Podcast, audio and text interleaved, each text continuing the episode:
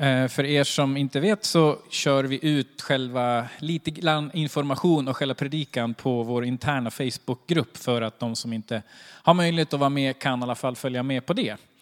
Så jag hoppas att ni som nu har kopplat upp er kan se och höra någorlunda väl. Ehm, och den information som jag tänkte ta i samband med det då, så att ni hör det, är ju lite grann det som nyss nämndes. Att vi har årsmöte alltså på, på lördag 17.30 via Zoom. Vi kommer att skicka ut länkar så att ni enkelt ska kunna vara med. Och vi har faktiskt varit tvungna att göra det här förut, så vi kan det. Det går. Det är inte alls det bästa sättet. Vi skulle behöva sitta ner och prata med varandra om ett antal saker och, och, och så här samtala på ett annat sätt i rummet. Men det är som det är just nu. Vi kan ha gudstjänster. Jag är så tacksam att vi kan samlas på det här sättet söndag efter söndag, upphöja vår Gud, be för varandra och se hur liksom Guds rike kan få växa i Gävle. Trots att vi är i den här. Och jag tänker att den här pandemivågen kommer att ta slut lite snabbare än vad de tidigare gjort. Det är det jag går och hoppas på. Det andra jag tänkte på just var att för dig som nu är med via Facebook, att på tisdag kväll då så kör Alfa och Blomma ut igång och det finns en del platser kvar. Även där så kommer vi om, vid behov att gå över digitalt, men vi tror att vi kommer att kunna vara här närvarande i kyrkan och det känns jätteviktigt. Sen kan jag också säga att vi har haft bönevecka under veckan och alla kyrkor, alla frikyrkor i stan har varit engagerade och haft sina egna bönesamlingar. Vi har gått till varandra. Både på luncherna har vi varit i Betlehemskyrkan och på kvällarna har vi varit på olika ställen. Och eh, det känns rikt att få göra det här och människor kommer från olika håll och, jag upplever i alla fall staketen är låga. Eh, det är inga stora skarpa gränser mellan kyrkan utan man går till varann, man tackar samma Gud och ber för varann. Så det känns fantastiskt gott. Yes, och så får ni ju såklart höra av er och fråga om det är någonting ni undrar. Ska vi stå upp nu och bara lyssna på det ord som jag tänkte jag skulle utgå ifrån? Ifrån Matteus 7 och 7. Så står det så här, Be och ni ska få. Sök och ni ska finna. Bulta och dörren ska öppnas för er. För var och en som ber, han får. Och den som söker, han finner. Och för den som bultar ska dörren öppnas. Vem av er ger sin son en sten när han ber om bröd? Eller en orm när han ber om fisk? Och nu, om nu ni som är onda förstår att ge goda gåvor till era barn, hur mycket mer ska då inte er far i himlen ge det som är gott till den som ber honom? Tack Gud att det här ordet nu kan få skörda frukt, kan få ge resultat i våra liv. Herre, vi ber att det ska få en verklighetsförankring i våra liv, ta tag i våra liv så att vi kan se någonting nytt och vi kan få se hur stor och god du är. I Jesu namn. Amen. Varsågod och sitt. Vi är fysiska varelser. Eh, vi och, och djuren är, fungerar i vissa avseenden på samma sätt. Vi behöver en del basala saker att fungera. Vi behöver eh, mat och dryck, vi behöver näring för att få energi, för att liksom orka lyfta en, en hammare om vi ska slå i en spik. Vi behöver eh, naturligtvis luft och vi behöver värme. Och så en massa andra saker. Det kommer ju liksom olika sådana här behov som du vet om att du har för att fungera som en bra person. Men jag tänker lite så här att det vi pratar om nu, för temat för den här predikan det är be för livet. Be för livet. Eh, och jag tänkte att bön i det kristna livet, livet med Gud, det är lite grann som att andas. Vad kan då maten motsvara? Jo, det finns faktiskt i Jeremia 15 och 16 står det så här. Jag fann dina ord och åt dem. Ditt ord blev mitt hjärtas glädje och fröjd. Och Jesus han, han hänvisar till, till eh, femte Mosebok 8 när han säger så här i Matteus 4 och 4. Det står skrivet, människan lever inte bara av bröd, utan av alla de ord som utgår ur Guds mun. Så lite grann kan man säga att för det kristna livet så är liksom den här boken, det är liksom mat. Det är någonting att äta för att få energi i livet med Gud. Och jag tänker också att värme som jag nämnde om, det kan lite grann motsvaras av att du har ett, en gemenskap. Du har någonstans där du kan uttrycka din tro. Du kan bolla din tro, du kan ha någon mer som ber för dig och du ber för den. Och det blir liksom en värme. Du vet, du tar en, ett vedträ ur en brasa. Du tar ut ur brasan och lägger det på asfalten eller på golvet eller någonstans. Lämpligt ställe. Då dröjer det inte så länge förrän den där slocknar. Det går inte att hålla en brasa igång med ett vedträ på det sättet. Det är väldigt svårt i alla fall. Och lite grann är det som med värmen i det kristna livet. Det behövs andra för att liksom kunna ha det här livet att fungera som det är tänkt. Och därför tänker jag att den kristna gemenskapen, hur den än ser ut, är otroligt viktig. Jag är så tacksam för de livsgrupper som håller igång genom pandemitider och hör av sig till varann och ber för varann och stöttar varann. Men så tänker jag också att vårt, vårt liv att, att leva med Gud, att andas, det är lite grann som att be. Och när, när jag jämför det med kroppen så bara läste jag på lite kort. Vet du att våra lungor har en massa blåsor längst ner. Luften går in genom näsan. Är du förkyld så går det in i munnen. Och så går det ner i, i lungblåsorna. Och de var inte så få, de, de var 800 miljoner. Mm. Där nere. Luften går ner i dina lungor i lungblåsorna och sen så finns det blodkärl som ligger jätterunt de här blodkärlen och där syret som kommer i din luft, det kan bara passera in i blodet. Visst är det, visst är det bra gjort? Och så kan blodet gå runt i hela din kropp. Och cellerna, de måste ha syre. Annars dör de. Vet du hur många de är då förresten? Lite läxförhör här för er som har läst anatomi någon gång i livet. Jag har inte det, men de är 37 biljoner, inte miljarder och inte miljoner, utan biljoner ungefär. Alla de här cellerna måste få syre. Så när du drar in luft, och vill du veta det så är det ungefär en halv liter luft du drar in varje gång du andas in. det lät inte så bra. Ehm, och så kommer det in luft, syre, ner i lungorna, de 800 miljoner små lungblåsorna. Och så går det där ut syret i blodet och så ut i alla dina 37 biljoner celler. Och det här gör du hela tiden. Ibland på natten kanske det hörs att du andas, vad vet jag. Om du inte tagit nässpray innan. Men annars på dagen så, så du behöver inte ens anstränga dig och tänka utan du bara drar in och drar ut. Och när, när cellerna har använt syret så blir det slaggprodukt och det blir koldioxid. Och så, så finurligt tar blodet med sig det tillbaks till lungorna, in i lungblåsan och så andas du. Så varje utandning ungefär en halv liter det också, så går det ut koldioxid. Det där är så finurligt gjort och skapat och vi behöver inte bry oss. Men vet du, jag tänker att det där är någonting som också behövs för dig och mig i livet med Jesus Kristus. Du och jag är lika beroende av bönen som kroppen är, som varje cell är av att du andas in och ut. På samma sätt så går vi och är tillsammans med skaparen av himmel och jord. Därför att du öppnar din mun eller du, du tar in det Gud har för dig. Du lyssnar in Gud och så kan du också tala med Gud. Och lite motsvarande tänker jag att det kan vara faktiskt att, att du är i vilken situation du än är i. Herre, nu vet du att mitt liv är riktigt besvärligt om det är på det sättet så för du ut skräpet ur ditt liv till den livgivande Gud som vill ta emot dig så som du har det. Och så kan du istället få andas in. Herre, kom och fyll på mig med ditt liv. Och så vill han ge av ditt liv så att hela ditt liv fungerar. Ganska bra bild, eller hur? Den är inte komplett eller fullständig. Det finns ju mycket mer om bön än så. Men jag tänker att det viktiga är att det är så essentiellt. Det är så viktigt att be.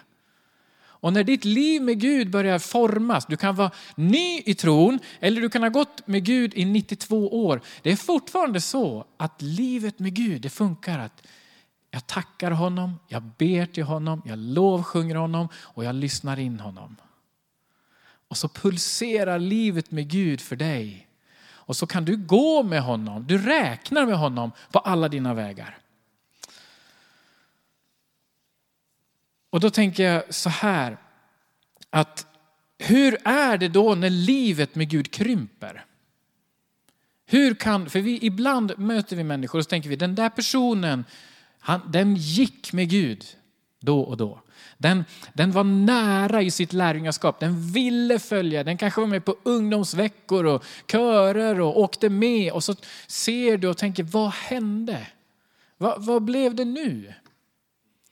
Och då är jag rädd för, och det här säger jag inte som en fullständig sanning, utan jag går ibland omkring och tänker, hur kan värmen i vår underbara församling bli starkare? Därför att jag tänker ibland så här att vi, det här med gemenskap, det utmanar oss emellanåt. Kristen gemenskap, vad det än är för gemenskap, det kan vara en annan gemenskap också. Den, utme- den ger oss värme, men den kan också skapa skav i våra liv. Den kan skapa att det liksom är svårt. Du kan reta dig på människor och du kan fundera. Och när du tar ett steg åt sidan, när du kliver undan ifrån gemenskapen med andra, och du har rätt att göra det. Jag säger ingenting annat än du har fullständig rätt att gå hur du vill, komma och gå som du vill. Men när du väljer att liksom kliva undan från gemenskapen, då är det som att värmen minskar i ditt liv också med Gud. Det blir en, en, en minskning i det som du egentligen vet att du vill ha. Värmen i ditt andliga liv minskar. Men sen efter ett tag så minskar också andningen med Gud, alltså bönen. När du börjar tänka på andra saker och livet ändrar inriktning och det blir inte så viktigt, då minskar också det här dagliga, det här kontakten där du, där du pratar med Gud om ditt liv och frågar efter saker med, om, från honom så minskar det där. Därför att det, liksom, det blir inte av. Det blir inte av. Och så, och så fortsätter det med det här, maten. Ja, det kan bli mindre och mindre och mindre av maten. Av det som, som Guds ord har för oss. Och så kan det komma in annat. Ja, men de kristna de säger si och så. Kyrkan är hopplöst föråldrad med sin gamla bok och sina värderingar. Du kanske hör det här och, och det här säger världen hela tiden, så det är inget nytt. Och så minskar livet med Gud. Jag har sett det så många gånger och det gör så ont när man ser det. Man skulle vilja väcka upp mig själv och oss andra också. Men det här är det liv jag har fått. Det är ju det här som ger ljud, det är det här som är det mest väsentliga i livet. Och jag tänker så här, en kropp som nästan dör, den kan faktiskt få liv igen. Du kan gå in och läsa på vilken HLR-kurs som helst. Om någon hamnar i en drunkningsolycka så är det så viktigt att börja och andas in syre i en sån person. Det både trycker undan vattnet som har kommit in och det ger syre in till hjärtat som till och med kan ha stannat. Och det finns fall där de har fått upp människor som har drunknat eller som varit i vatten länge. Och de har hållit på med hjärt och lungräddning i över en timmes tid. Och sen fortsatt med professionell hjälp från ambulanser och så vidare. Och så hoppar det igång igen. Det är helt fantastiskt. Och vad är det som händer i en sån människas kropp när det hoppar igång igen? Det börjar liksom av sig själv så börjar kroppen dra in luft igen. Det är för att den behöver det. Och jag tänker så här, tänk att en fysisk varelse kan komma igång igen när det verkar vara helt stendött. Så tänker jag att Gud som är så mycket större, och det här som är så mycket mer fundamentalt än det fysiska. Det fysiska är viktigt. Tänk att det kan bli nytt liv i en människa som håller på att dör en andlig död. Amen. Och då säger jag, be för livet. I San Jose i Chile 2010 så fanns det, finns fortfarande tror jag, en koppar-guldgruva ganska nära Copiapo. Och den 5 augusti 2010 så lossnade en sten i den här gruvan. Ingen liten sten. Den var stor som ett 45-våningshus. En jätte, jätte, jättesten lossnar i gruvan. Man har räknat att den väger ungefär 700 000 ton. Och den far naturligtvis neråt, det gör alla stenar som lossnar och så blir det total kollaps i hela den här gruvan. En kunde med bil på något sätt ta sig upp mitt i detta. Men 33 stycken blir kvar. Och de är nere på ungefär 670 meters djup. Och de har liksom en total havererad gruva över, över sig med hur mycket rasmassor som helst. Bland de här gruvarbetarna så fanns José Henriquez González. Och han var troende. Och han, på något sätt så verkar han kunna samla alla 33 arbetarna runt sig. Och vi, de konstaterar efter en stund, vad har vi för chanser att komma ut? Ja, de är inte stora. Vi ber. Och han lyckas samla de här två gånger om dagen under hela vistelsen för att be. De fick själva uttrycka vad de kände och tyckte för varandra och så bad de till levande Gud om hjälp. De bad för livet. De hade mat där nere för tre dagar. Mm. Och de började på att se hur kan vi dela upp det här så det räcker lite grann. Och de kunde bespara sig ibland 24 timmar utan mat. Ibland 48 timmar utan mat, ibland hela vägen upp till 72 timmar utan mat. För att på något sätt förlänga livet där nere, 670 meter under ytan. Maten räckte i 16 dagar. Den skulle räckt i tre, men den räcker i 16 dagar. Och de ber. Och de upp, eh, uppmuntrar varandra. På den sjuttonde dagen så är det en borr som lyckas ta sig fram. För uppe på, eh, liksom ovanför, där har det liksom blivit en hel campingplats med människor. Med eh, släktingar och vänner och folk som ber. Och, och, som liksom, och så får de ner en liten, liten borr så de kan få ner lite mat och, och de kan skicka upp en hälsning. Alla mår bra efter, efter så lång tid. Men det tar 69 dagar innan de kommer upp från denna plats.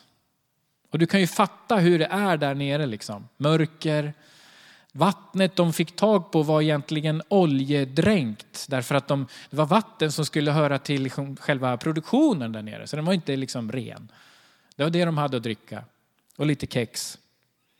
Under tiden så ber man ändå varje dag. 22 stycken lämnar sina liv till Jesus Kristus under den här tiden. Och alla räddas. De bad för livet. Okej, men hur ska en sån här andning gå till? Hur ska vi kunna be till Gud? För att du kan ibland, om du är liksom i tidig bönekarriär, om man säger så, i, i tidigt i din utveckling att lära dig be. Hur? Hur går det till? Och då vill jag bara skicka med några enkla, enkla saker. Gör det enkelt. Gör det ärligt och håll på. Vanliga ord till den levande guden. Han vet, han hör ju du, hur du pratar i alla fall. Du kan, du kan rikta din blick, din inre blick mot den levande Gud genom Jesus Kristus. Han vill ta emot vad du har på ditt hjärta, vad du har, vad du tänker på. Han vill höra det. Även om han känner dig så vill han ändå veta det. Han vill ha kommunikation med dig därför att du är hans älskade barn. Ärligt, du kan vara helt ärlig. Du behöver inte linda in någonting. Det är för att han känner ju dig. Han vet ju vad du gjorde igår. Han vet vad du gjorde i förrgår. Och vad du har tänkt göra. Men kom med ärlighet inför den levande guden. Han vill höra dig. Han vill kommunicera med dig. Han vill ibland tillrättavisa dig. Han vill visa dig sin väg för ditt liv. Därför att han har en väg, han har en kallelse för ditt liv och han har en utrustning för det livet. Men du behöver vara ärlig med var du är någonstans. Du kan inte börja prata som att du låg längre fram och försöker liksom eh, tala om för Gud hur bra du är. Och så där. Han vet exakt var du är. Men han älskar dig. Och han vill ge dig så att du kan gå i din kallelse. Så att du kan gå i det som Gud har tänkt för dig. Han vill visa dig nästa steg och nästa steg och utrusta dig med det som behövs för de uppdrag du har här på jorden och här i Gävle. Och så kontinuerligt, och kanske är det det viktigaste, du kan inte andas en gång i veckan. Det funkar ju inte. Nu styr du inte över det utan du bara andas. Men tänk när du och Gud har den här kontinuiteten i era gemensamma relation. När du kan hela tiden, Gud, nu är jag här. Ja, just det, så var det. Och så har ni den här kommunikationen. Och jag tänker så här, i Romarbrevet 8.26 står det så här, dessutom hjälper Guds ande oss i vår svaghet. Vi vet ju inte ens vad vi ska be om, men anden vädjar för oss med outtalade ord. Och han som känner allas hjärtan vet vad anden menar, för anden vädjar för det heliga, så som Gud vill. Tidigare här så, så delade Jan Beleus lite grann om sitt andedop och hur han liksom blev fylld av Guds ande och kunde tala barnsliga ord till Gud. Och det där är en drivkraft också i bönen. Jag är så tacksam för den heliga andes kraft. Och det, det jag kan uttala där. Jag vet inte vad jag säger, men det är ett, ett, enklare sätt att be. När jag inte vet vad jag ska be, då kan jag tala i tungor. Och jag upplever att det finns kraft här. Det finns kraft här.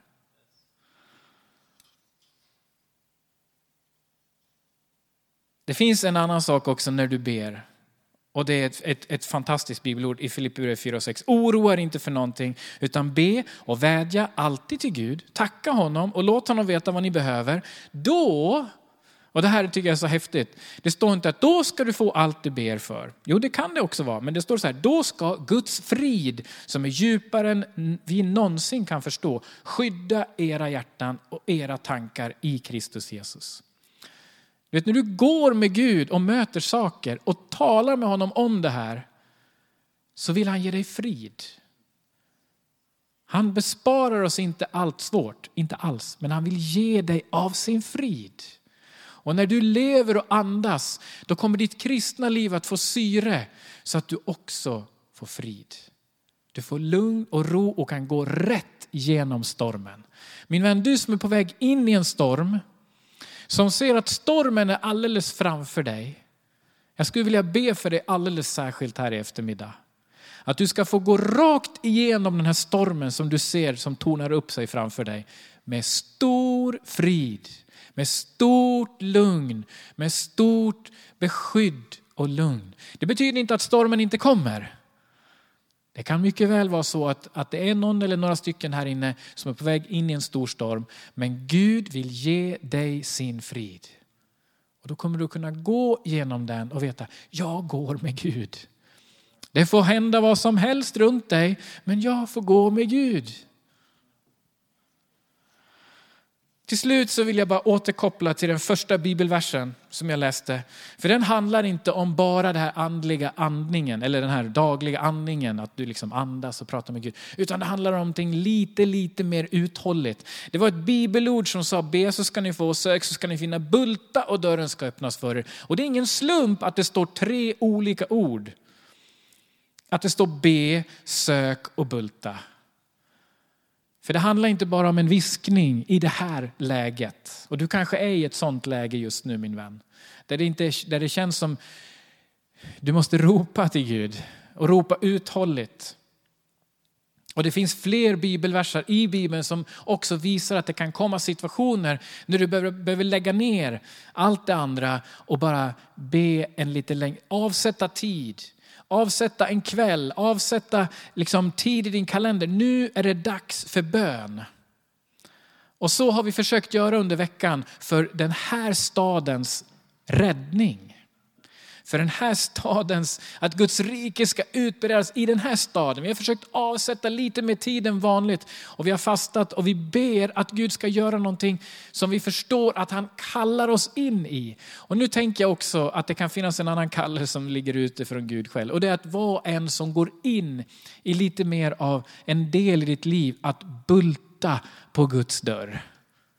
Herre, du vet vad som behövs. Nu, bult, nu söker jag dig. Nu ber jag.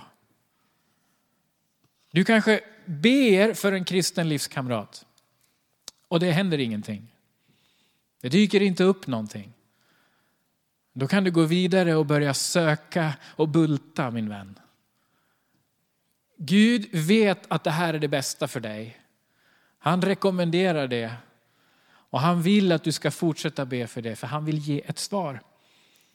Du kanske ber för din barns framtid och du tycker det ser svårt ut.